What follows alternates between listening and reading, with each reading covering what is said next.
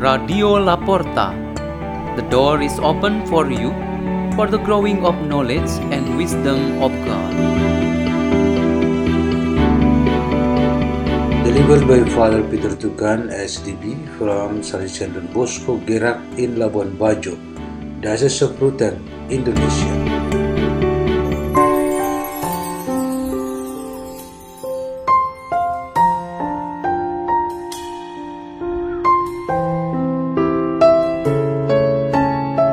Reading and meditation on the Word of God on Thursday of the sixth week in Ordinary Time, February 16, 2023.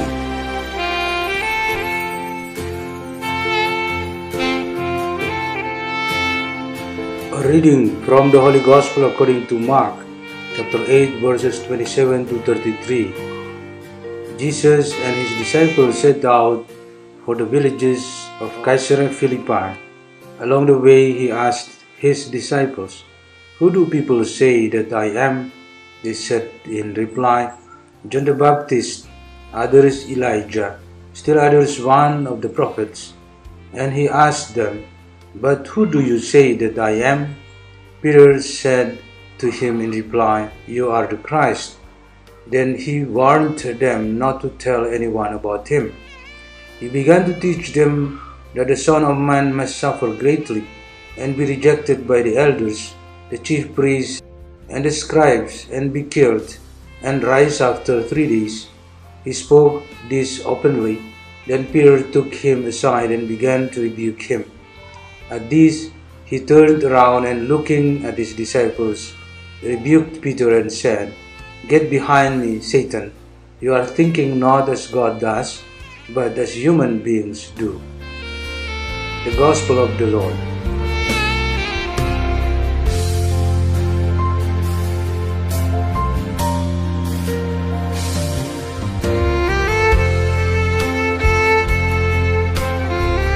The theme for our meditation today is Jesus' identity. There was a young man who was so desperate because of the many problems he had to face. He has talked to a number of people, but he found nothing that could make him at peace. Then he remembered that the most favorable place to put all the problems of life is God. Everything depends on God's will.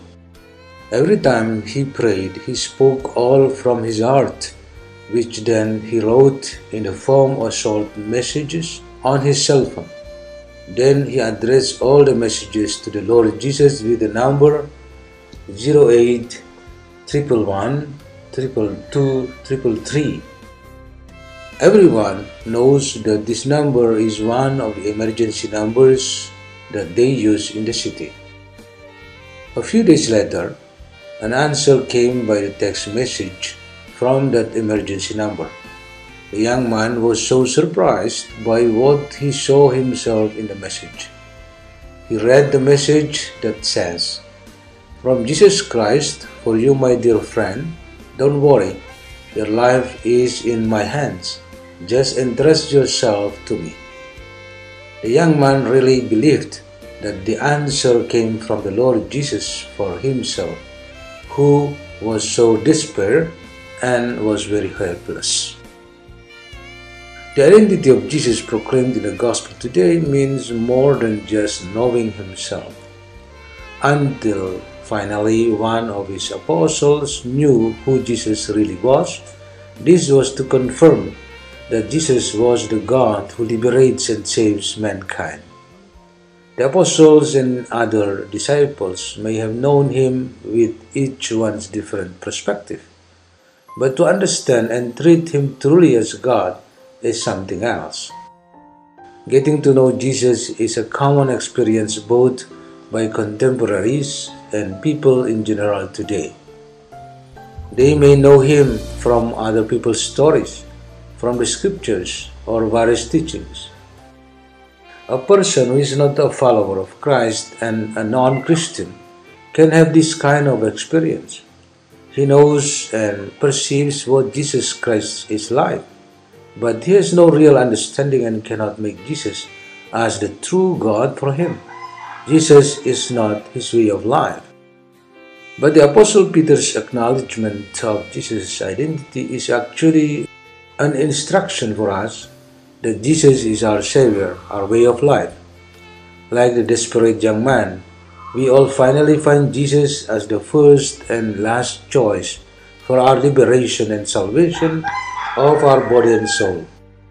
The identity of Jesus is not just a noun for us to know and to praise. However, a person who works and continues to work in us and for all of us, especially in the liberation of the little and poor ones. Let's pray in the name of the Father, and of the Son, and of the Holy Spirit. Amen. O Lord Jesus, make us joyful and remain faithful in recognizing you as our Lord.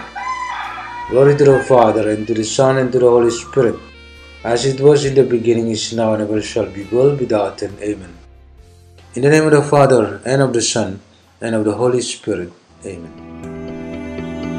Radio La Porta. The door is open for you.